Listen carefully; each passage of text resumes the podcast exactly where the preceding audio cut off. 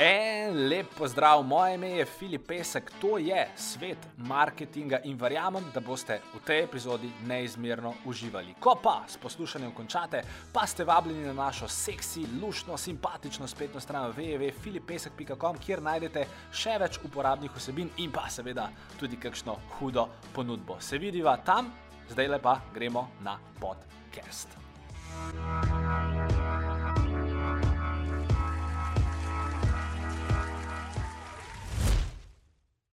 En lep pozdrav vsem skupaj. Danes uh, je z nami uh, Luka Jezeršek in lahko bi o njemu, Luka, živa, uh, lahko bi o njemu rekel, da je oče, lahko bi o njemu rekel, da je v bistvu solasnik uh, kulinaričnega imperija Jezeršek, lahko bi rekel, da je bil ene parkrat v Masterchefu. Uh, in, um, Ampak niso to nekakšni razlogi, zakaj imam jaz tukaj, da danes tukaj, jaz ga imam tukaj zato, ker se mi zdi, da je skozi čas prvič on vzpostavil eno res zaupanje vredno persono v Sloveniji, pa tudi zato, ker v bistvu bolj, ker spremljam to, kar dela uh, pač podjetje Jezeršek. Uh, bolj se mi zdi, da se lahko tega nekako vsak podjetnik uh, nekaj nauči. In Luka, jaz sem danes res vesel, da, da si z nami in da boš delil uh, uh, malo, kaj se z vami dogaja. Um, hvala, Filip, tudi uh, iz tvoje strani, da si me povabil. Uh, všeč mi je, da se bomo mogoče pogovarjali o nekih malenkost drugačnih stvarih, kot je ponavadi na mojem intervjuju. Večina jih je, kaj Luka počne privat, pa kaj Luka uh, dela za kulisijo Masterchefa. Uh, mi dva pa šla mogoče tle bolj v te podjetne vode, pa v, v to smer, ker um, je tudi to Luka Jezeršek, ni samo pač Masterchef, je pa tako, ja, logično, da me večina pozna preko TV ekrana in enostavno vprašanja in odgovori velikokrat zaidejo pač v tisto smer. Ampak uh, imam še kaj drugega tudi za povedati, tako da sem vesel, da se bomo o tem pogovarjali. Ja, Pogovarjaj se z nekom, ki te približno razume, ker pač velikokrat, ker se omenja mene, se pa omenja mojo mamo, pa ok, sin, razvite pesek. Da, vem, vem, kako je, če te ljudje ja. nekaj v, v en koš dajo, da pa malo težko iz tega splezati. Okay, lej, uh, prvo, prvo zaštarte eno vprašanje. Uh, glede na to, da si gore rastel v bistvu s podjetjem, Uh, pa da se v bistvu že, že od začetka, uh, da si bil nekako v tej gostinstvu, v prehrani, v cateringu. A si kdaj razmišljal, da bi počel kaj drugega, ali si pač vedel, da je to to? Zdaj je vprašanje, uh, za katero obdobje. Tisti, prej sem se odločil za poklic, ali zdaj, ker sem že v tem poklicu. Aha, ne, prej, prej, prej, v, v, v, v prej, prej, prej, prej. Če si ne vem, kdaj sam, da bi bil okay. kaj drugega, ne vem, astronaut, pravnik, kaj pa vem. Ne. Um, Zdaj, velikrat uh, razmišljamo o tej stvari, ali je to prav ali to ni prav, da smo se pač uh, odločili za, za to pot, jaz sam in vsi štirje od bratov. Glavni razlog, da smo pristali v, v tem poklicu, je enostavno to, da nam je bil ta poklic predstavljen kot nekaj lepega. Uh, poznamo ogromno gostinskih hiš, uh, ki enostavno nimajo naslednikov. Razlog, verjetno, temu pa je, da sta bila oče in mama enostavno prevezana za šank, prevezana za štedilnik, in uh, ni bilo kaj dosto od, enostavno od otroštva. Mi pa smo imeli to srečo, predvsem s to catering dejavnostjo, da smo šli ven iz hiše, da smo videli, da se nam je ta uh, zorni kot širil. Uh, bili smo na dogodkih, ki so bili naslednji dan v, v časopisih ali pa v naslednjem tednu, celo ne. Pač bili so drugačni časi. Uh, so bili zvečer na odmevih oziroma na, na, na poročilih, in mi smo kar tam bili in smo poznali vse te ljudi. Meni je bilo čisto normalno, da si poznal, ne vem, pa da si bil blizu predsedniku države, da si bil blizu nekomu, ki je dnevno na televiziji. In verjetno je to tisti razlog, da smo pač pristali v, v gostinskem poklicu. Potem smo ga pa, hvala Bogu, tako močno razvijali, da, da smo vsak od nas štirih in seveda vsi ostali sodelavci najdel svojo pozicijo, tisto, kar nam enostavno paše, da smo pač eh, upravljali, oziroma da danes upravljam ta poklic, če zmeram z veseljem. Ja, je pa tako kot vsak podjetnik. Pomislim, da je treba tega, uh, mogoče je Luka še največ, uh, največkrat na tej poti, ker jaz zase rečem, da sem malo neka taka opozicija v firmi in enostavno potem zbujam kakšna vprašanja, da se mal del časa iščejo odgovori, ampak na koncu vidim sam, enostavno je pač prava odločitev, da sem tukaj, tukaj kjer sem. No. Ok, cool. Mislim, sicer, sicer podjetje, če sem prav zasledil, 40 let praznujete, oziroma ste tukaj nekje okrog, kar ja. mi grede, pač čestitke, čudovito. Hvala. Uh, in v bistvu, moja, kar mene zanima, je to, oziroma jaz vem, ampak tisti, ki mogoče to gledajo, pa ne poznajo mogoče širine podjetja Jezeršaka, bi lahko sam na hitro povedal, s čim mhm. se recimo ukvarjate, oziroma kaj vse, kaj vse to podjetje dela, razen seveda cateringa pa, pa ostalih reči. Zdaj tako zelo na glas povdarjamo, da smo gostinsko podjetje, kar pomeni, da je glavna dejavnost naše gostinstvo. Um, začeli smo pač s tem cateringom, težava cateringa je še vedno pač to, da je zelo sezonski, to pomeni vem, pomlad, jesen, eh, december, ostale mesece je zelo, zelo vprašanje. Dobiš velik projekt, ga ne dobiš. In uh, s to rastjo, ki smo jo v zadnjih letih ustvarjali, smo predvsem razmišljali, kako porezati te uh, konice, ki nam jih pač catering uh, daje. Zato smo se zdaj odločili, da gremo v temu rečemo mi poslovne enote, oziroma da se odpremo gostom, ker do recimo temu 10, 15 let, eh, pravzaprav nisi mogel priti v našo hišo, naročiti kavo ali pa kosila, eh, zdaj pač to lahko in zdaj smo prisotni z našo lokacijo, recimo na Voru eh, Jezeršek, ki je pač naša, vse ostale imamo pa najemu, to je pa potem Blejski grad, Pivnica Union, pa na Ljubljanskem gradu.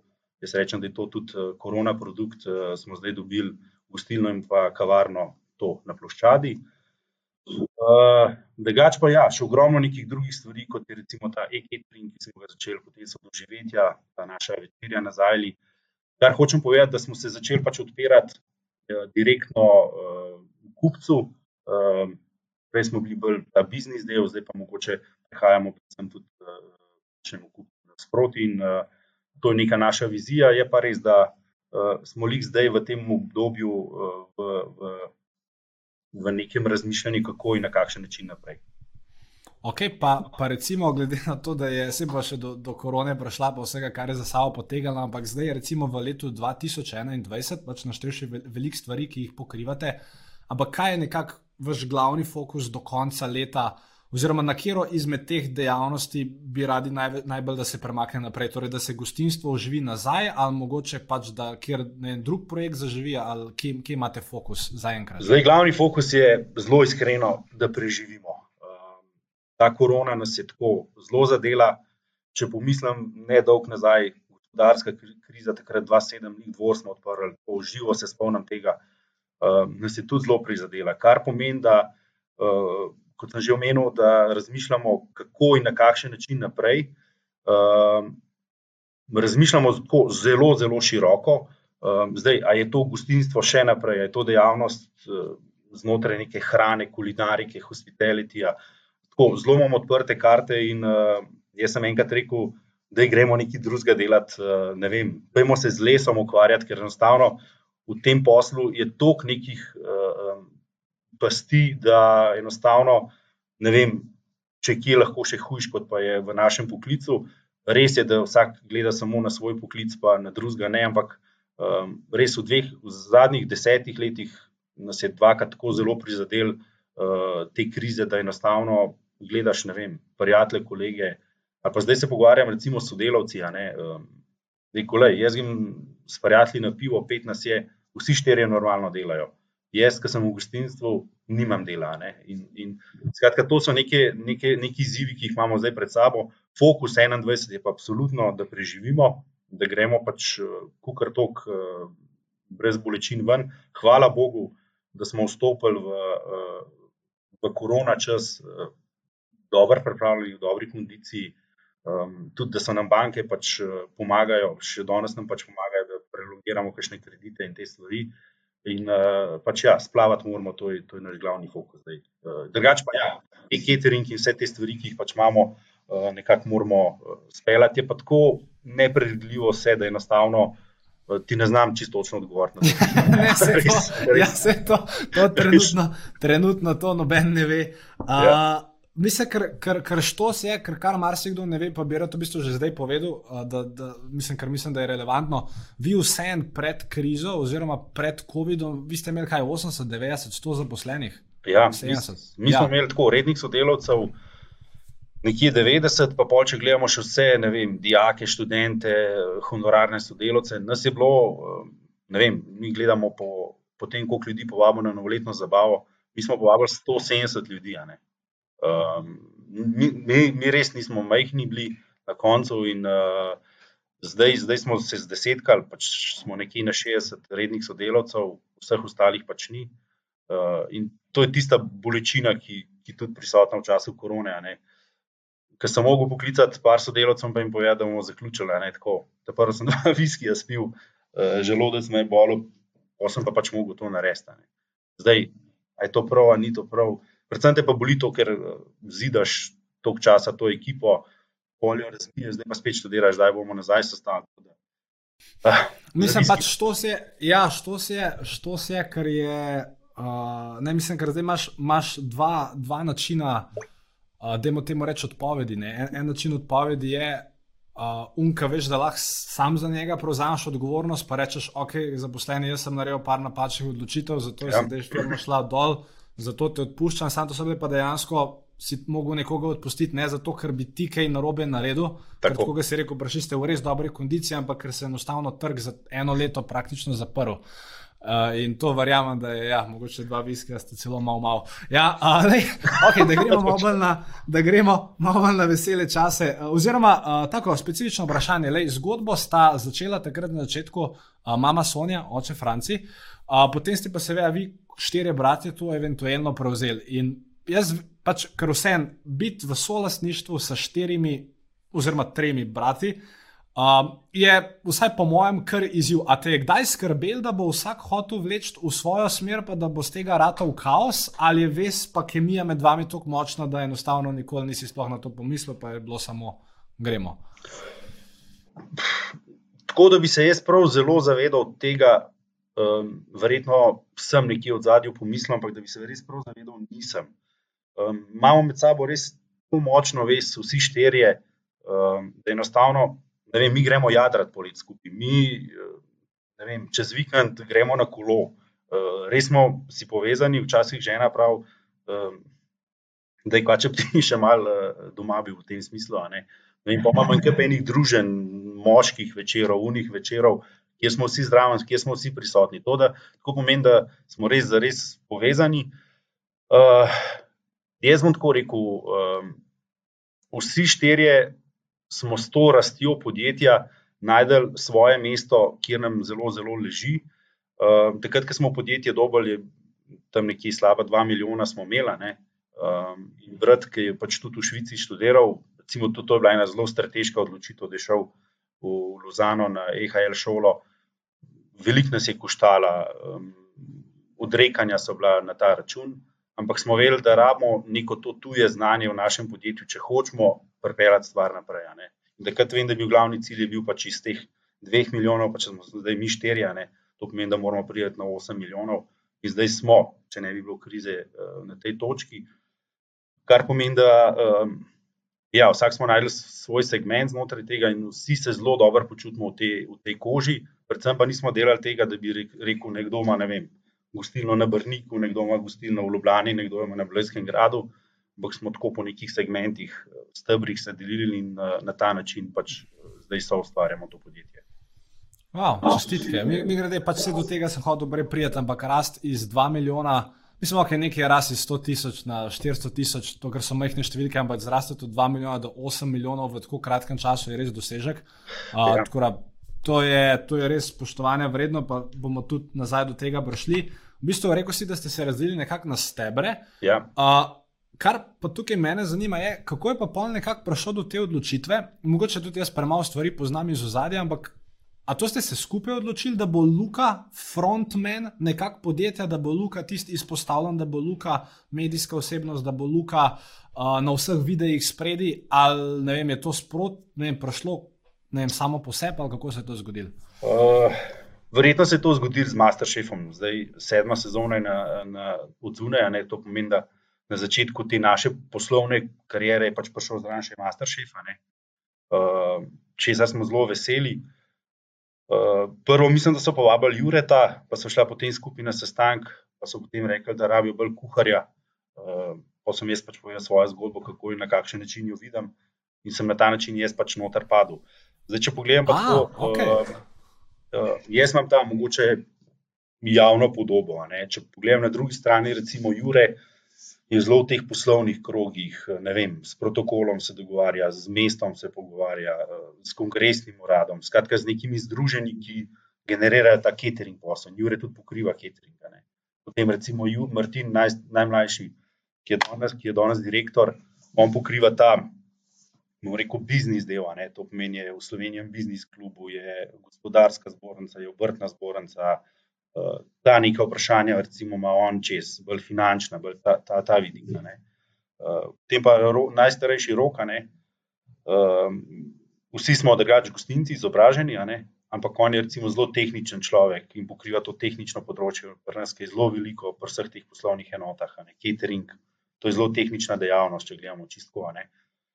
In smo se sami sebe najdali, meni je, meni je zelo blizu pač biti z ljudmi, zdaj mi ni, ni problem tudi nastopati in tako. In, uh, tako, ko zazvoni telefon, pa je vprašanje za biznis, da vemo, koga pošljemo, kaj za UNO, tega pošljemo, in kaj za povedati, pač Luka pošljemo. In, uh, vse pa en drugega to dopolnjujemo, ali pa se to pogovarjamo, da vsi vemo približno, uh, kaj kdo dela, tako da lahko vsak približno tudi odgovori na kakšno vprašanje. No.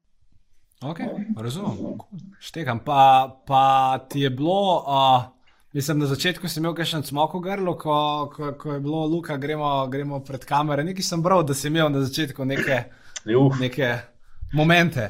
Predvsem, ker ne razumeš televizije. Ne? Eh, tisti, ki, ki ni nikoli ustvarjal televizije, moraš razumeti, kako televizija funkcionira, eh, da potem lahko v njej ustvarjaš. Pač ja, moraš biti eh, vešč neke obrti ali pa nekega posla, da lahko, da lahko razumeš, kako nastaja in potem ti jo ni problem so ustvarjati. Predvsem pa uh, Masterchef je res tako. Meni je to ustvarjati. Prej sem videl, se slišala, sem se slišal s Karimom, uh, sem rekel, Karim, ene dva dni, že malo razmišljam o tebi, ker se peljem tam čez kran, uh, ker grem domov, uh, da je že malo popustila ta doza našega druženja, ker se že dolgo časa nismo videli. Uh, hočem povedati, da se imamo tudi mi trije fajn, kar pomeni, da zato tudi uh, je fajn ustvarjati televizijo, ker se tudi z ekipo dobro razumem in vse te stvari. In uh, ja, drugače pa prvič pred televizijo, pa to ne pozabil. Nekaj krožnike so mi nisili, pa je bilo presleno, pa so ugotavljali, če mu sploh ugotovo, da je presleno. To so bili še tisti testne snemanja, ali sem sploh za pred kamero ali nisem. Zdaj zgleda, da, da jim paše. Zdaj zgleda, da jim paše. okay, prej, prej si omenil tole rast. Uh, leta 2014, uh, vsaj glede na iPad, no, je bilo 2,3 milijona prometa. Uh, leta 2019, ki je zadnja številka, ki sem jo pač jaz lahko dobil, je 7,3, vmes je rekel, da ste prišli že do 8. Mhm. Skratka, uh, kaj so bile neke ključne poteze, da ste vi prišli od te točke 2 do te točke 8? Ne vem, mislim, ker to je verjetno in strateško, in operativno se je veliko stvari mogli premakniti, da se je to zgodilo. Uh, ja, prvi razlog je to, da če Martina ne bi poslal v šolo, ali pa če se on ne bi želel te šole, pa jo najdu. Skratka, je neko šolanje, neka izobrazba, nek, nek širok pogled, kako biznis uh, poteka. Potem ta transformacija iz obrtniške delavnice v zelo jasno podjetniško pot. Uh, pol razumeti vse te strukture, segmente, ki znotraj podjetja morajo funkcionirati, vem, od dobrega računovca, dobrega marketinga, kadrovske službe, uh, prodaja, potem sam ta proizvodni proces. To so stvari, ki, ki, ki smo se jih zavedali, ker smo vedeli na neki točki, da tukaj lahko pridemo eh, sami, potem pa rabimo strokovnjake v hiše uh, pripeljati. In za vse te področje imamo strokovnjake. Potem na drugi strani vedeli smo, da catering dejavnost v Sloveniji do tega prometa lahko pripeljemo dlje. Ne. Poje samo vprašanje, da imaš malo nižjo ponudbo, ali pride nek velik kongres v Slovenijo ali ne pride, in to je ta limit, ki ga pač imamo. Uh, pa smo štartali neki na tuje trge, kjer je zelo težko, zato ker catering še zmeraj je neke vrste lokalna storitev, ki jo pač uh, imaš. Smo prišli na neki točki do nek nekam, ampak je teže, kot smo si mogoče predstavljali. Potem smo prišli do tega, da enostavno moramo odpreti dobre lokacije. Eh, in mislim, da smo zdaj trenutno dobili res vrhunske lokacije, od Bleda, Ljubljane. To so pač grad, je samo eden na neki lokaciji. Tam je pa treba biti zelo dobro organiziran, predvsem kar se tiče uh, logistike, na kakšen način. In, uh, mi imamo tukaj v Sori to hišo, uh, kjer je zelo dober servis za vse te poslovne enote. Recimo na enem Blejskem gradu je samo vprašanje, kako boš prodal, ko enkrat to funkcionira. Vedeti moramo, da je Blejski grad recimo druga najbolj obiskana točka v Sloveniji za poslovniško jamo, kjer se plača vstopnina. 460 tisoč obiskovalcev je bilo 2019 gora. Ne. In tam je vprašanje, kako čim več prodati, še zmeraj pa uh, naš fokus je, da smo strokovni, da smo um, zavezani temu poklicu, da na neki taki lokaciji bi lahko tudi nekoga tako zelo na hitro napisnil, ne sej en azic pride enkrat v Evropo, pa ga nikoli več ni. Pa gledamo, da smo dobri na TripAdvisorju, da imamo dobre revije, da dobimo kritiko, da se upravičimo, da analiziramo stvari. Skratka, zelo smo logistično usmerjeni, zelo smo uh, sistematski, predvsem pa zelo veliko dajemo na uh, sistem, ki spremlja več teh faktorjev. Produktivnost stalno spremljamo, recimo, ne, tem revije spremljamo na vseh poslovnih enotah. Zaposlene vežemo na produktivnost, na, um, na revije, um, potem sistem.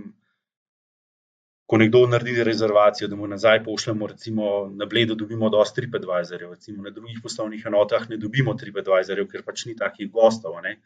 Skratka, te moderne pristope, nekimi analizi, analitičnosti, uh, zelo vključujemo v naš posel in uh, so rezultati na tem področju zelo dobri. Torej, v bistvu, če nekako povzamem, torej najprej uh, pripeljati boljši kader na področje, kjer veste, da rabite pomoč. Potem druga stvar je pač, da normalno tisto, kar funkcionira, da ste dodali neke nove lokacije, pa neke nove storitve. Tako. Potem usporedno s tem, da ne pozabite na kvaliteto med tem, kar rastete, pa da ste res pozorni. Okay. Pa dobra analitika potem. Mm, tako. Skozi ja. analiti, skos analitično gledamo. Eh, ne vem, grejo po roke gor, grejo po roke dol, a je la kart gre gor, a gre la kart dol. Skratka, v zadnjem imamo mi zelo velik sistem uh, IT-ovske podpore, uh, tako ogromno denarja v to damo, uh, še bi radi, še bolj te stvari izpilili, ampak se stvari pač počasi razvijajo in uh, mislim, da je to ključ do tega uspeha. Ja, mislim, se, če je mislim, pač tistega, kar ne meraš, ne moreš kontrolirati. Zdaj, tako, zdaj je tako. pa pač. Zdaj, čim več nekih stvari, ki jih gladaš na neke grafe, pa številke, pač boljši pregled imaš in pa boljše odločitve lahko sprejemaš. V redu, omenil si, omenil si prej marketing, jaz ne bom šel tukaj tako podrobno, ker predvidevam, da ima to področje čez Katja, vaša. Ja. Kako imate tako? Ampak v bistvu pri pr, pr marketingu, pa pri PR-ju, um, ne vem, kaj, kaj pravzaprav tam, tam počnete? Oziroma, a, vem, ste zelo proaktivni, ali ste danes že tako veliki, da več ali tako novinari, pa ne vem, oglaševalci ali ne vem, kdorkoli pač sam do vas pride, ali vem, kaj, kaj točno počnete na marketing področju, oziroma kakšna je neka tista big picture strategija. Uh, zdaj, za zelo veliko sliko bi najbrž te mogel začeti pogovarjati s Katijo. Uh, je pa tako, da pri tej komunikaciji smo zelo dosledni, zelo pazimo, kaj komuniciramo, na kakšen način. Um, recimo, vem, moj profil za Instagram uh, skrbi Urška, uh, Katja pregleduje vse te tekste, pa ne zato, da mi ne bi zaupala, ampak zato, da pride neka slika od podjetja in vseh, ki smo povezani z njim. Pravilno ven, da so stvari pravilno komunicirane. Zelo veliko teh tekstih se pogovarjamo, kaj, kdaj, na kakšen način to je pač strokovnjak v hiši in to je Katja prinesla k nam. Uh, jaz jim zelo jasno povem, mi, vi mi povejte, kaj moram narediti, pa vmes naredil. Seveda, jaz povem, pa se v tej vlogi dobro počutim, pa se ne dobro počutim. Ne? To so neke stvari. Potem, recimo, uh, v zadnjem obdobju veliko šefov, bom rekel, tako se proda nekim znamkam, uh, nekim brendom, kakorkoli. Ogromno ponud pride v našo hišo, uh, in zelo pazimo, komu se prodamo. Pravzaprav se nikomu, nikomu še nismo tako zelo resno prodali. Predvsem tega, ker se nočemo z nobenim užent, oziroma na drugi strani se z nobenim uh, zapet v tem smislu. Skratka, ja, nočemo se z nobenim užent, uh, ker nam je še zmeraj fokus ta naš brand, uh, Jezeršek, ki je brand, kater, kjer ga moramo tišati naprej. Uh, tako da, tle so stvari zelo premišljene, predvsem pa podjetja, ki jim tega ni treba delati. Recimo, vem, jaz imam bratrance, ki delajo stopnice, z njimi se je zelo težko o teh stvarih pogovarjati, ker tega enostavno segmenta ne razumejo, ker ali jim ni treba, ali, ali pa če je to področje, ki ga ne razumejo. In jaz priznam, da če ne bi imel Katije, če ne bi nam ona odpirala tega sveta, ki ga tudi ti in tvoji delate, ne, uh, bi rekel, da ja, se to je neki brez veze, neki se snemamo, neki počnemo. Ampak danes je to nujno, nujno, nujno potrebno in uh, opažam kolege tako, znotraj gostinstva. Ne, se pravi, vidi, kdo ima to delan. Tako, z neko strategijo, z neko vizijo, z neko zgodbo, kdo pa to tako malo dela s fotoma, ki se uh, pogleda na Instagram, pa pravijo, da že dolgo nisem nekaj objavil, pa moram nekaj objaviti. Skratka, to je tudi neko brez. Ne? In uh, vaša znanja so zelo, zelo, zelo pomembna pri ustvarjanju vseh podjetij, ki jih pač imamo. In uh, enostavno ni druge. Zdaj, ja, pač moraš, biti, mo, mo, moraš biti viden, moraš biti, mislim, ljudje te morajo poznati, uh, pa nekako mora to biti smiselno. Mislim, fajn je se v bistvu to, to mi je zelo všeč, kar si rekel. Da, res razumete, da vsaka stvar, ki jo skomunicirate, ali je to pač prek tvojih profilov, ali je to prek uradnih profilov, da pač vsaka komunikacija šteje in da mora biti premišljena, da te stvari Seveda. ne more biti nekako narejene na horuk, ker vse skupaj pa se stavlja nek tisti krovni, uh, krovni brand image. Ker recimo, uh, bilo, je, bilo je pač prav zanimivo, uh, ker jaz sem začel bolj podrobno zadeve spremljati. Uh, Takrat, ko se je korona začela, me pač prav zanimalo, kaj bodo podjetja začela delati na, na, na social medije. In mene takrat zadev en dan, evo, oglas za e-catering. Ti si bil in si nekaj razlagal, nekaj je bilo. Um, in sem se uno shranil, uh, in se mi je zdel zelo tak genijalen pivot, ker takrat vi ste dejansko ostali brez dela. Mislim, brez dela, pač zelo vam je padalo, pač vso delo, gostilne so se zaprle. Se mi zdi, mislim, ker tega e-cateringa prej ni bilo, ali že bil? Ne, ne. Ni bil, ne. To ste pač, mislim pač zelo hitro ste se obrnili, kar je impresivno, ker večina pač podjetij, ki je recimo velikih 100 ljudi, je rab tako 4 mesece, da sploh karkoli sproducira, ne? ker so tako mhm. veliki, da je pa, pa vam je to rata hiter narediti. In v bistvu ta cel e-catering, kako pa se vam je, kaj, kaj pa se je zgodilo recimo s tem projektom v enem letu? Mislim, itak je logično, da ne more nadomestiti vsega unga, pač kar se je prej dogajalo v gostinah, ampak ste, mislim, zadovoljni z napredkom, mislim, ste, ste opazili, da ste s tem nekaj pozitivnega naredili, ali, ali niti ne? Mislim, ta projekt je zelo dolg časa tlel v nas. Um, korona je samo še spodbudila, da smo se ga pač lotili, da smo ugriznili v njega in ga naredili. To je super projekt, predvsem tega, ker smo ogromno nekih dilem, vprašanj na zelo enostaven način rešili.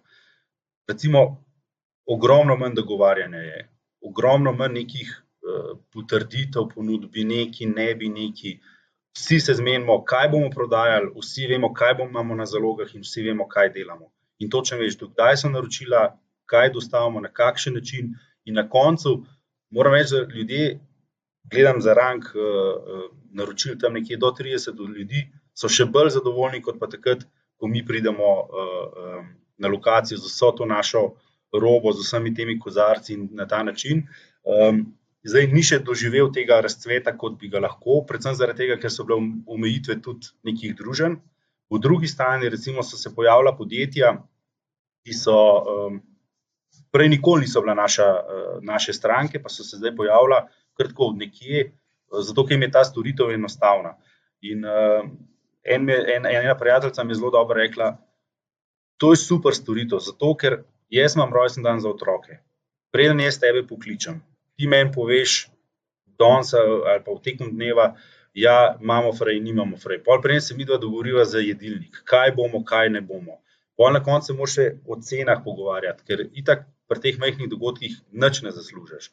Danes pa jaz ležim v posli, uklikam jedi, naročim, dobim, dostavim te, jaz sam še na mizo zložim je čisto enostavna eh, izkušnja. In to, kar recimo danes trgovci delajo, ne, ta poklika in dostavi, uh, se zdaj steli zelo dobro, po mojem, tudi v to storitveno dejavnost. In mislim, da smo mi tle se usedeli na ta vlak, predvsem pa s temi majhnimi dogodki smo imeli mi prej ogromno dela, ogromno dogovarjanja, uh, na koncu pa počrto ni bilo željenega cilja, in tukaj smo jih pač na ta način zelo lepo rešili. Uh, predvsem pa tudi, če gledam čisto proizvodno ali pa uh, iz kuharskega vidika. Ne. Točno vem, kaj imam, točno vem, kam bom dal, v kakšni formi, v kakšni obliki. Vem, na koncu moramo vedeti, eh, treba je spremljati alergene, un, tri, četrt, vse imamo stvari pošlihtane in na ta način samo še dodajaš, oduzemaš in komuniciraš z potrošniki. Ja, pa tudi mislim, da se fajn zdi taka storitev, ker je vseeno nekaj tazga, kar slejko prej vsaka zaključena družba, rab ali pa vsako neko podjetje na neki preditvi in se mi zdi, da si s tem tudi velik vrat odpirate, pa v bistvu še dodatno širite svojo prepoznavnost. Uh, ker je res taka neka vstopna storitev, ki je dostopna, uh, enostavna za naročiti, se mi zdi res fajn. Cool. Lej, um, Prej sem imel ta e-catering, pa začetek oglaševanja, po, torej po tem, ko se je korona začela, ampak če gre par tednov nazaj, uh, recimo takrat, ko so se začeli 10, 11, 12, 13 marca, torej 10. se je 20 minut na poročili govorilo o koroni, 11. že cela poročila, 12. se je bila izredna poročila, 13. smo vsi zvejali, ne vem, takrat je bilo, da smo pač zaprti. Zdaj mi boj, uh, kaj je tep kot vem, in podjetniku, in očetu, in pač vse skupaj, kaj ti je šlo un dan, un noč, pa nekako un teden po glavi? Kako je to izgledalo? To je bilo tako. Uh... Lahko bi rekel, da je bilo to neke vrste malo vojno stanje.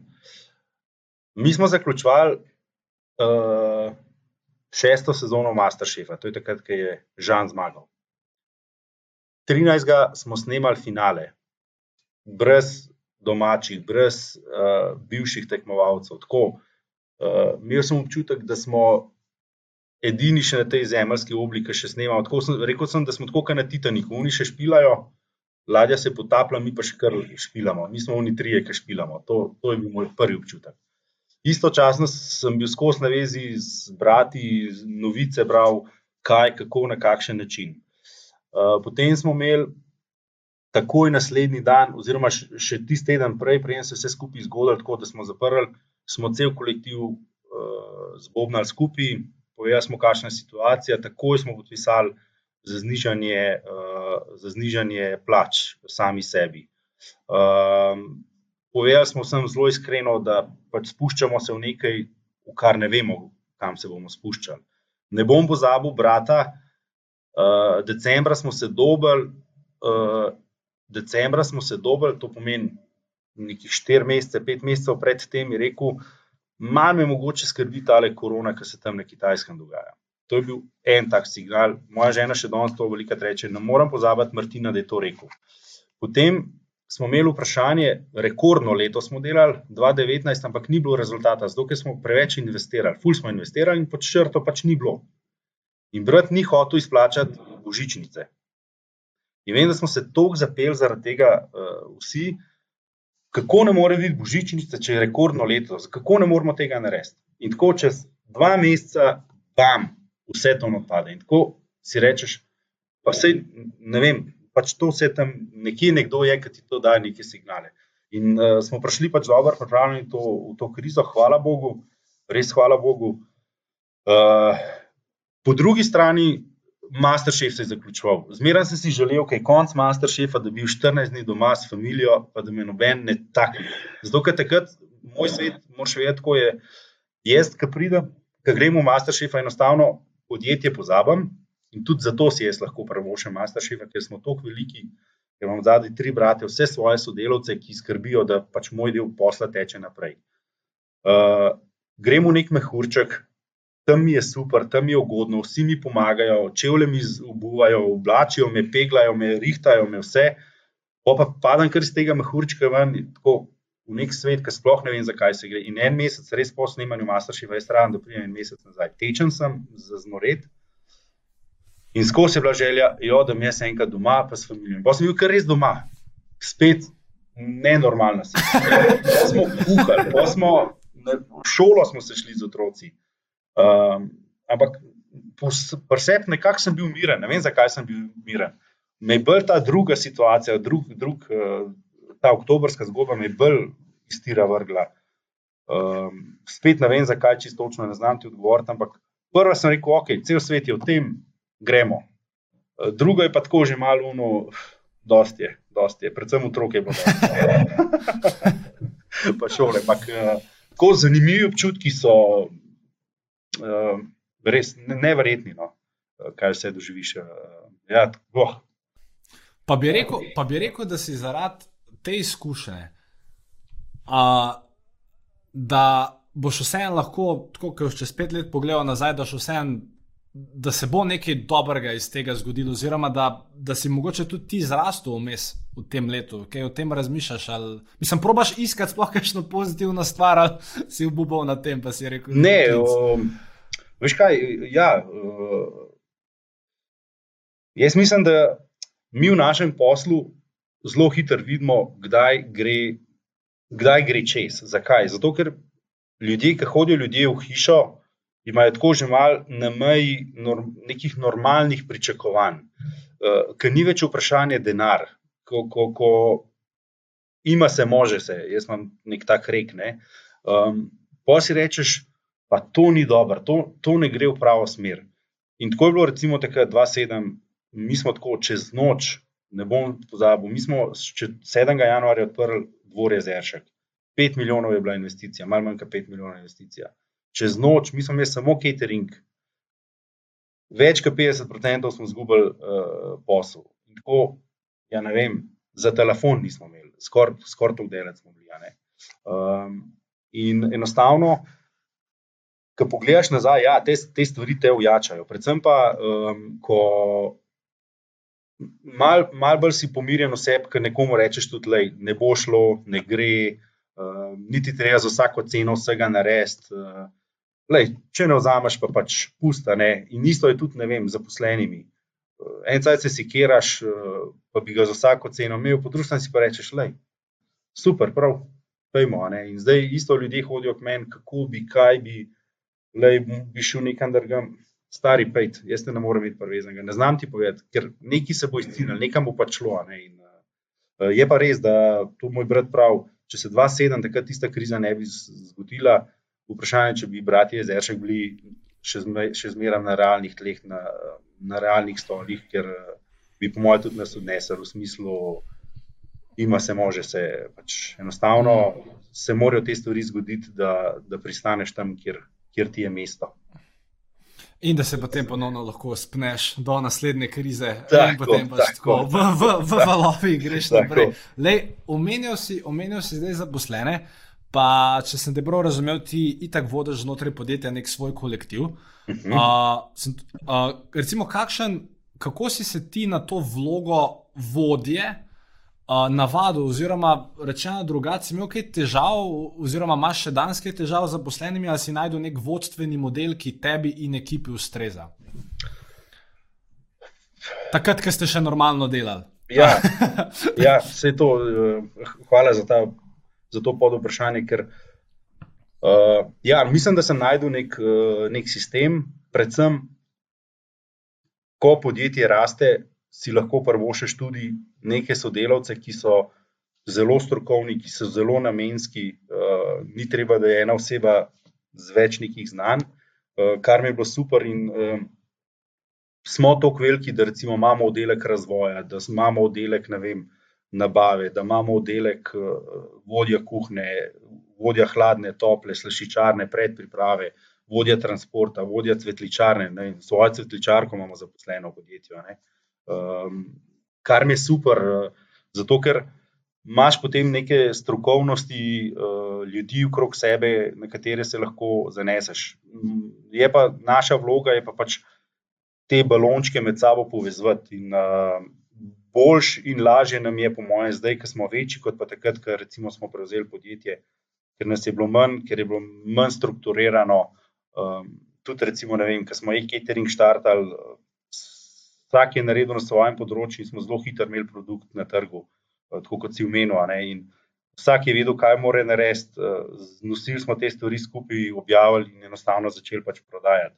In se mi zdi, da kakšen imam način vodenja, nek se mi zdi zelo prijateljski, še zmeraj, ko kar koli obrnemo. Ne, ne vem, gremo momačko jadrat, pa, pa gre zraven vodja nabave, pa vodja cateringa, pa vsi štirje bratje, pa vodja poslovnih enot, pa uh, vodja, uh, koga imamo še. Pa še en prijatelj, ki ima. Tako, skratka, je že skoraj tak nek sindikalni izlet, če bi tako pogledal, kar, kar je super. Ampak vsi znamo ceniti stvari do te točke, da pač nekaj je prijateljstvo, nekaj pa strokovnost. Ne? ali pa neki firma, neki je pa uh, družba, družba, služba. Skratka, to zelo dobro ločimo no, med sabo. Okay, torej, torej, torej ta prija, prijateljski, nekako prijateljski način, s tem, da ne vem, ali si, si ti, mislim, zdaj recimo, ne vem, ko se moraš z neko vodjo o nečem pogovoriti. A, a gre bolj v bistvu za smer, da ti poveš, kaj točno od njega pričakuješ, pa ga pol pustiš, da se on znajde, ali še vseeno zelo velik neki mikromenedžeraš, pa ga probaš ti čisto totalno usmeriti, kako bi rad stvari imel, uh, ali kombinacija obeh dveh stvari. Uh, Tlepa zgodbo delim malo na uh, ljudi, ki so prišli k nam, pa so že nekje bili, pa na ljudi, ki so mogoče malo temu rečem staroseljci. Uh, Um, tisti, ki so recimo staroseljci, pa to ni nič na robi, malo bolj delaš v nekih rekovičkah, malo bolj poskušaš usmerjati, zato ker sta mogoče skupaj prelezla do sem, kjer so pač danes in tudi ta odnos je pač mogel zgraditi. Na drugi strani pa ljudje, ki pridejo v hišo, pač vejo, kaj je njihova naloga, jo pač enostavno oddelajo. Tako da zdaj počasi prehajam na to točko, da enostavno povem, kaj je moja želja, kakšni so cilji in enostavno pač mora ta oddelek uh, svoje stvari narediti. Uh, je pa tudi človek, jaz razumem človeka, ki pride iz tega, da sta skupaj, ne vem, lupla krompir, pa rezala čebulo, uh, danes prideš do tega odnosa, ne vodja, njegova desna roka. Uh, je treba pač te, te stvari doreči, dodelati, da na koncu lahko stvari funkcionirajo. Ampak počasi pre, prehajam tudi samo osebno. Dajte mi to, pa to. Ja, kar. Super, ne, ne, ne, to je urejo, dajte mi to, pa to, pa znajdite se, vse ste vas pametni. Ja, ja, ja ne, se, če imaš, mislim, če imaš dober kader, je to mogoče. Ne, se, zato si pa tudi rekel, da vam je verjetno zdaj le lažje, ker takrat na začetku, ker zdaj imate res vodje pa pač procesi so utečeni. Okay, lej, če se vrnemo v malo lepše ne, te ne-korona čase, uh, jaz sem na, na YouTubu sem zasledil, ker sem se pripravljal uh, tiš čudovit posnetek, ker ste imeli 35-letnico. Mm. Če se spomniš, ker ste z, z trolami prepeljali ljudi, poslovne partnerje v skladišče, pa hrana, pa brivci, pa ne vem, kva ste imeli še glasbene nastope itd. Uh, Dejmo, kako je. Pač, Čigava ideja je to bila, oziroma to ste pač takrat imeli preveč dobička tisti let, pa ste rekli, da je to pokurt, ali ti zblah, pač z namenom, da se PR naredi, ali, ali, ali, ali je bil dejansko što, da to so naši poslovni partnerji, zaslužijo si neko tako zabavo. Pač kako je do tega prišlo? Vsaka naša obletnica je pravzaprav uh, lansiranje nekega trenda, za katerega mi smatramo, da prihaja. Uh, Da prihaja na trg, bom tako rekel. Um, catering dejavnost je super zaradi tega, ker ti od vsakega naročnika dobiš neke signale, kakšne so želje, kaj bo to. Skratka, skozi greš tako na široko. Če si ti na drugi strani, imam zelo svojo izkušnjo, če si ti na drugi strani v gostilni, se ti ta zorni kot začne zapirati in enostavno ne vidiš več, po nekaj časa ne vidiš, kaj se na terasi tvoje dogaja, ne kaj šele pri sosednji ušteri ali pa kaj se globalno dogaja. In tukaj imamo mi ta catering kot neko super, super stvar. Potem vsak tak naročnik ti da neko, nek signal, uh, kakšne so želje, kaj bi bilo. Te naročniki moramo vedeti, prihajajo vem, iz tujine, ogromni organizatori kongresov so. Potem so slovenski naročniki, agencije, ki ustvarjajo 100 tisoč nekih dogodkov in morajo biti drugačni. Potem na drugi strani moramo vedeti, da krok ljudi, ki se giblje na catering dogodkih, ni zelo, zelo širok. Eh, kar pomeni, da eh, mi decembra, vem, enemu podjetju, ki se ukvarja z neko branžo, zelo podobno, in drugemu na drugi strani povemo, da neki podoben koncept bo že on imel dva dni prej na njegovi novoletni zabavi, in uh, pazimo, kako in kaj. In iz tega mi so ustvarjamo, recimo, ali pa delamo uh, te naše dogodke, te naše obletnice. Um, In tako je tudi ta 35-letnica nastala, um, nek ta food market, uh, odprto um, dogajanje pred gosti, ta mingle sistem je pač pred petimi leti začel udirati uh, k nam. Te podstrežene večerje so tečne, zato ker sediš samo z nekom, levo, desno se moš pogovarjati, uh, dodajati noter brivce in vse te stvari. Predvsem pa zmer iščemo, kako impresionirati ljudi, ki organizirajo dogodke na dnevni ravni, kako jih se zud. In tam vem, da je bilo recimo že to vabilo, da ga mogo dati v pečico, je bila taka, taka prva stvar. Potem, ok, jezerški nas zdaj vabijo v Cankarjev dom, Cankarjev dom pa ja vsi poznamo, kulturni hram, hiša taka in taka, kaj se lahko tam zgodi. Potem prej smo vsem govorili, uh, nekam gremo, kjer še nikoli, nikdar niste bili. In si vsak reče, kako v Ljubljani še ni lokacije, kjer jaz nisem bil. In polih se zujemo s to trolo, noter smo se parpalali. Uh, da ti ne povem, kakšne imamo ideje za 40-letnico, tako da uh, je že v nastajanju, ampak uh, čakamo, mogoče na večjem boljše čase. Ja, to je nek produkt skupni, glavni je bil tukaj Jure, Jure se je s tem zelo uh, poigral. Uh, na koncu mora reči, da je to zelo velika investicija, ampak je zmeraj to pametno iz, iz, izbran denar, uh, ki ga investiramo. Uh, lansiramo neke nove trende na trg, in uh, te koncepti se potem kar zelo dobro prodajajo, uh, tudi v nadaljevanju. In to je naš glavni namen. Seveda pa tudi pocrkljati uh, naše stranke, uh, povabimo veliko število ljudi, in na koncu pa ljudje si morajo zapomniti dogodek, in tega so si res zapomnili. Cool. Torej, pač za več, več nekih koristi tega je. Jaz sicer res, da stane, ampak se tako posluje, tako, pač, da vsaka stvar, ki hočeš nekaj narediti, stane. Da, pač zdaj, če pa lahko iz Sem, tega narediš neko. Daj, dam, ne, žurko. Ne, uh, ja, daš, itak, čisti. Kul, razumem, le štiri. Ja, štir, ja. ja, ok, ja, le štiri. Če bi bil filmček, ki je potegnil, bi bil gost na takem področju. Ja, seveda, jaz, zdaj, jaz bom zdaj vse naredil za to, da vam neki pri marketingu pomagamo. Pa tudi, če bomo za ston dela, za vas, samo da smo na un dogodek, pa vabljeni leto. To, to, to je. Ja, ja to, je, to je plan. Ti že ne pišem.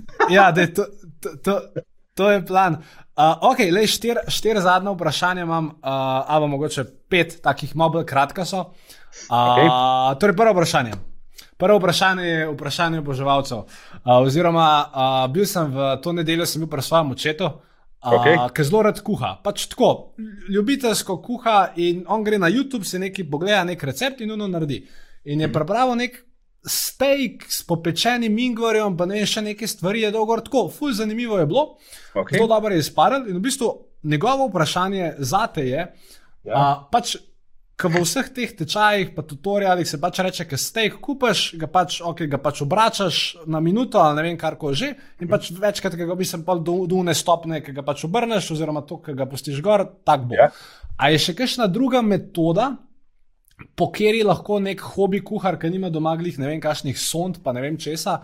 Kako, kako bi bil on bolj zihar, da bo uno meso dol dol iz, iz pomve, oziroma kjerkoli že to delal, uh, da bo pač une prave, uh, prave trdote. Ali dejansko sam pač obračaš, pa šteješ pa je to. Zdaj, uh, najcenejša stvar je to, da si kupiš en tak termometer. Res imaš cene, cene od 10 evrov do 150 evrov. Ampak termometer je stvar, ki je zelo uporabna in jaz vsem žar mojstrom na mojih delavnicah povem, to si morate kupiti. Vsak polja, zakaj pa to imel? Zato, ker veš, kaj se dogaja s tvojim kosom mesa, se sredini, ker drugače pač ne veš, če nimaš izkušenj. Tako da termometer je 100%, poj pa še en kup teh trikov. Ja, Nekog časa obračaš, kje pečeš, je indirektno, je direktno, ampak več o tem pa Luka je zršek. Na delavnici. Ja. Ja, ja, pa, ja, sam zdaj, sam zdaj uh, mislim, delavnica so povezane z ukrepi. Ne? Takrat, ko se ukrepi razrahljajo, mi, mi recimo z nas, če smo bila poleti, torej 22 poleti, smo bila na Uni, žuline, žuli ali kaj ja, ja, ja. pri Ani. Uh, ja, pri Ani. Tako da, kaj se torej zdaj poleti, če se bodo ukrepi sprostili, bodo delavnice spet aktualne. Tako, zdaj v bistvu do 10 uh, jih lahko izvajamo. Eh, tako da nekaj smo že štartali, uh, ni, ni pa tako v, v polnem teku, ker je pač normalno. Drugač pa delavnice so super, recimo, to je tudi eno od produktov, ki smo ga lansirali in uh, tako nevrjetno smo mislili, tako, da bo to pač par delavnic, da bomo malo to pofilali. Uh, v lanskem letu, ne v 2019, no, recimo, je bilo 2500 ljudi na delavnicah. Uh, wow. Ja, mislim, da imamo prek 40 delavnic različnih in res noro. No. Ja, pa res so, mislim, pa res so, pa res so dobre. Pač, mislim, jaz tako nimam, ker sem res sem najst, eden izmed slabših kuharjev, ki boš kaj koli videl. Ampak jaz, ki sem prišel tja, itak, itak je nas te več ali manj vse dejala. Sam uno, ki smo mi na koncu skuhali, uno je bilo tako božansko. Jaz sem si cele une kanistre, pa une, sem si vse domov nosil, ki una rekla, je ostali, jaz sem bil najsrečnejši človek na svetu. Skratka, res to bilo priporočam. Pa zdaj si rekel še, da je Torej, za vse tiste, ki gledate tale pogovor ali pa ga poslušate tam enkrat maja, oziroma pač spomladi, v začetku poletja, rekel si, da imate kaj zdaj zelo aktualne, uh, te piknik komplete. Ali, uh, o čem smo Ja, um, to našo govedino 360, uh, ki jo zorimo, uh, tudi ten projekt, ki smo se ga lotili, ta je zdaj še 360, uh, pač neki projekti v hiši, ki, ki so odgovorni in noter je tudi ta govedina. Um, tako ogromno, predvsem preko akademije, vprašanje, ja, zdaj je super, zdaj ste meni to vse pokazali, pa, pa kje dobim jaz zdaj dober kos mesa, pa kje pa dobim štručko za burger, kje pa dobim uno, kje dobim to. In če tako res pomislim, da dobiš vse sestavine za en burger, moš kar malo poštudirati, kako, kaj, na kakšen način, da priješ do, do vseh sestavin. Na koncu, uh, recimo, ljudje danes že dobiš dober kos mesa, pa iščeš na eno dobro štručko. In, in zato smo zdaj naredili te pakete. V bistvu eden je burger, potem je en je tri tip, en zelo zanimiv kos mesa v govedini, ki je tako zelo dober cenovno, predvsem pa zelo dober uh, kvalitetno. Pa potem imamo te stejke naše 360. Kaj je pa najbolj pomembno, da so vse noter, od solatke, majoneze, namaza, čebulce, vse, vse, vse. Odpreš katlo, zakuraš žar, spečeš, sestaviš in si žar mojster. No, super. Okay. Da, ja. Za, za, za, za, super, ok, lej. Uh, da bom nazaj malo na poslovni svet. Uh, kaj je, mislim, vsakega načela, ki ga imam, uh, ga, ga probam to vprašati. Lej, kaj je ena stvar, ki jo danes recimo veš? Ali je to nek skill set, ali je to nek mindset, ali prepričanje, skratka, karkoli. Torej, kaj je ena stvar, ki jo danes veš, za katero si želiš, da bi jo vedel na začetku svoje poslovne poti? To, da nobena stvar pravzaprav nikoli ni končana. Um, Skozi se nadgrajujejo v tem poslovnem svetu. Um, Ker misliš, da sem pa nekaj naredil, ja, si naredil za, za tisti trenutek, ampak potem se spet odpirajo stvari, so spet drugačne stvari. In to, če bi mi en povedal od začetka, jaz mislim, da bi lažje funkcioniral v teh začetkih svojih podjetniških, ker bi se zavedal, ok, nekaj sem naredil, gremo naprej, to bomo spet enkrat popravljali. ne. In ta, ta občutek, da nisi nikoli konec, nikoli nisi fertik, med tako en čas mi zelo žrl, zdaj se pa pač vdaš v to usodo in enostavno rečeš, pač to tako je, eh, to je tak svet in uh, greš naprej. Ne. Delaš neke kljubce, ki pa enostavno niso, niso večne te kljubce. ne. okay, torej, da se cel čas upgradeš, nekako pa smo, ki smo glih pri upgradu, predvidevam, ja. da si kakšno knjigo kdaj prebral. Uh, Kje bi bila ena knjiga, le, lahko je poslovna, lahko je neka druga, ali nobene knjige nisi prebral. Kje bi bila ena knjiga, ki bi jo res ljudem priporočal? Uh, sej, o tem sem po mojem že govoril, ampak Luka je zeršek, je tako velik dislektik, da uh, enostavno knjige me sploh ne vlečajo. Um, Kaj pa audio tega- knjige? Tudi ne. Audio knjige, tega se zdaj nekaj lotevam, eh, nisem še neki, uh, neki, neki, neki prišel zelo noter. Um, gledam neke ne vem, strokovne m, teh webinarjev, se v, tako, skratka, knjige ne primam v roke, kar sem zadovoljen samo v tem, da danes v disleksiji lahko govorim na glas. In uh, ker prej mi je bilo to taka muka, meni, ki so dali tekst na Masterchefu v prvo sezono v roke, jaz sem najraje bi pobegnil. V osnovni šoli, ki sem mogel brati, bi najraje pobegnil. In danes, hvala Bogu, o tem lahko govorim na glas uh, in zelo podpiram mlade, ki pač imajo to težavo in sem en tak ambasador tega, uh, da se da tudi uspeti brez tega, da pač bereš. Uh, zdaj sem mogoče malo zašla iz te teme, ampak uh, pa vendar. Okay. Um, kar se Ne, tiče pa teh redu. stvari, ja, pač tako je. Ne, sej, uh, skratka, ja, Luka je zdaj še brez, da bi kaj prebral, prije do sem. Ne, um, berem, predvsem pa poslušam veliko stvari. No. Kaj bi bilo pa v zadnjem obdobju, da sem nekaj tako zelo poslušal? Ne znam Ali pa pomagati, pogledal, vse karkoli. Zato, ker sem, ker, ja, imel sem tri otroke skozi doma in sem uh, uh, z otroci se ukvarjal. Korona čas. Um, To, to, to, je bila, to, to je bila najboljša šola. V redu. ja, Prav, res je. Ja. po pa, po pa za konc, za konc, za konc zdaj mi jav. Um, Torej, kaj je pa pol neka, uh, sicer imate na spletni strani lepo razloženo vizijo, podjetje je Zeršek, ampak zdaj, tako, če bi jo mogel ti čist na hitro povzeti uh, po domače, kaj se želite s tem brandom? Mislim, razen tega, da letos preživite, potem ko enkrat preživite, kaj se želite s tem brandom v naslednjih letih, desetletjih uh, narediti? Um, naš plan je, tako, nek tihi plan je prijeti na 20 milijonov, če gledaj zdaj po po prometu.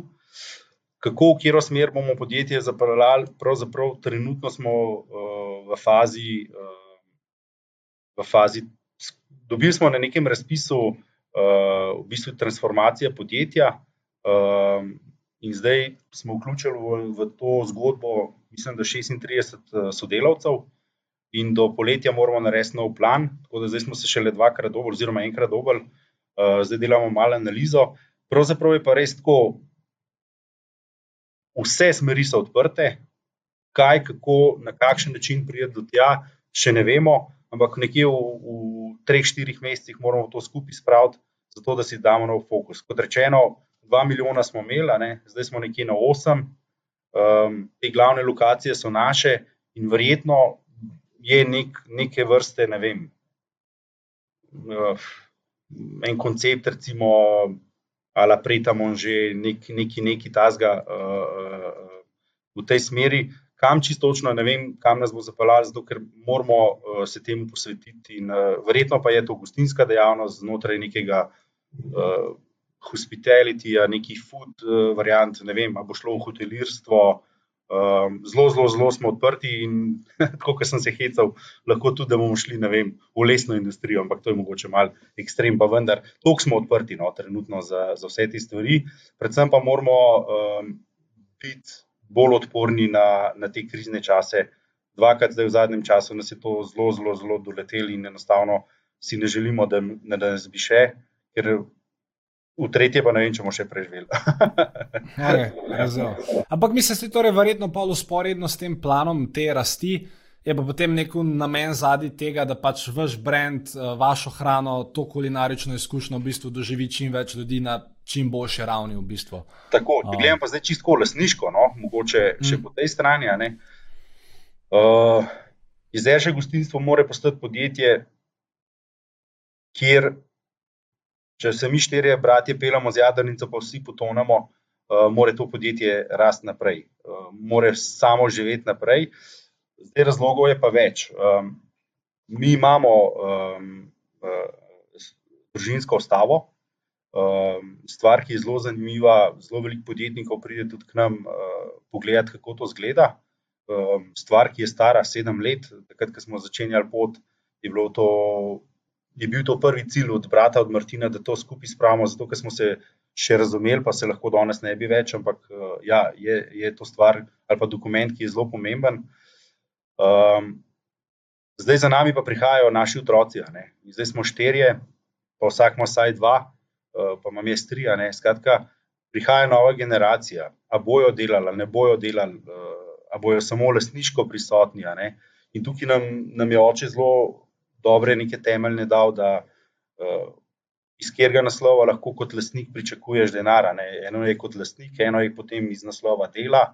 In uh, moramo vse narediti, da uh, otroci naši, ki pridejo za nami uh, in bojo stvari zelo jasno začrtane, zelo jasno zastavljene, uh, kaj in na kakšen način so njihove pravice. Uh, ne vem, ne sme si otrok naš prvoščati da pride v lokal in reče: Ja, vse to je pa moje, pa bo kar malo vzel iz hladilnika, pa bo kar, ne vem, pomfri naročil in te stvari.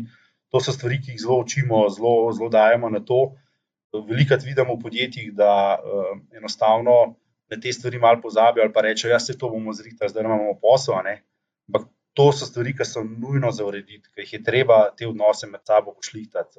Recimo, mi uh, imamo zelo razdeljeno, kdo je direktor, na kakšen način je prišel do tega. Ne? Eh, kaj je v situaciji, ki sta recimo dva za, dva proti. Eh, to smo imeli zadnjo skupščino, vsak, vsakega januarja se dobimo za dva dni, tako imenovano skupščino. Ne.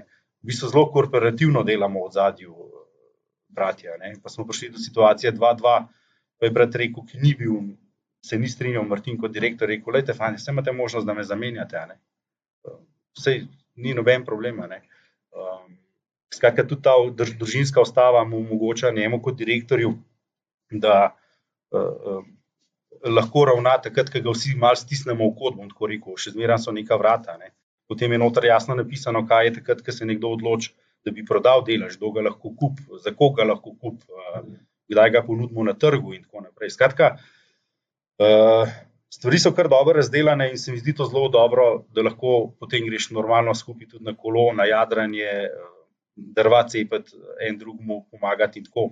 Skratka, tako, mal za hec, pa mal za res, stvari so v zadnji zelo pošlihtane, zato da lahko zelo normalno funkcioniraš. Vse pa skregamo tako v smrt, v smrt se skregamo, ampak je potem pride iz ene ali iz druge strani mesič, da je do, do, do, dobmo se, nekdo je pol mal mirovnik, dva se na glas pogovarjata, ampak na koncu zgradimo stvari, kar je pa recimo v velikih podjetjih uh, velikrat problema, ker se ljudje obraz ne povejo stvari, uh, ne, misli jih. Uh, in, uh, To tudi pol prenese do tega, da stvari mogoče boljš naredimo, ali pa bolj poglobljeno naredimo, ali pa drugače naredimo. In tako Da, ja. Ja, pa, predvsem, pa predvsem, da, ne, pa da nišče ne tlač nekih stvari vase, ampak da si res poveste tisto, kar verjamete. Tako, tako. Uh, se, mi, se mi zdi to ena taka res lepa, pa uporabna misel za na konec. Luka, um, fulti hvala uh, za vse, kar predstavlja, za vse, kar delate, uh, zato da si se danes v bistvu vzel čas. Uh, pa bil tukaj. Uh, Máš še kakšno zaključno misel, ali uh, se posloviš od gledalcev počasi? Ja, hvala tudi tebi. Tako, um, res vesel sem, no, da, da si opazil nas tudi ti. Ja, v zadnjem obdobju tudi opažam, da tako, ta marketinški del opaža naša dejanja, na, naše delo. In, um, moram reči, da sem vesel, da, da nas tudi vi opaste, da, um, da pač nekaj delamo prav in prepričani smo, da delamo prav. Pa se veliko vprašamo, ali delamo prav. Ampak uh, to je tudi en tak intervju, ki je konec dokaz, da delamo prav. Hvala ti res za, za to. In sem bil res vesel, počaščen, da si me povabil.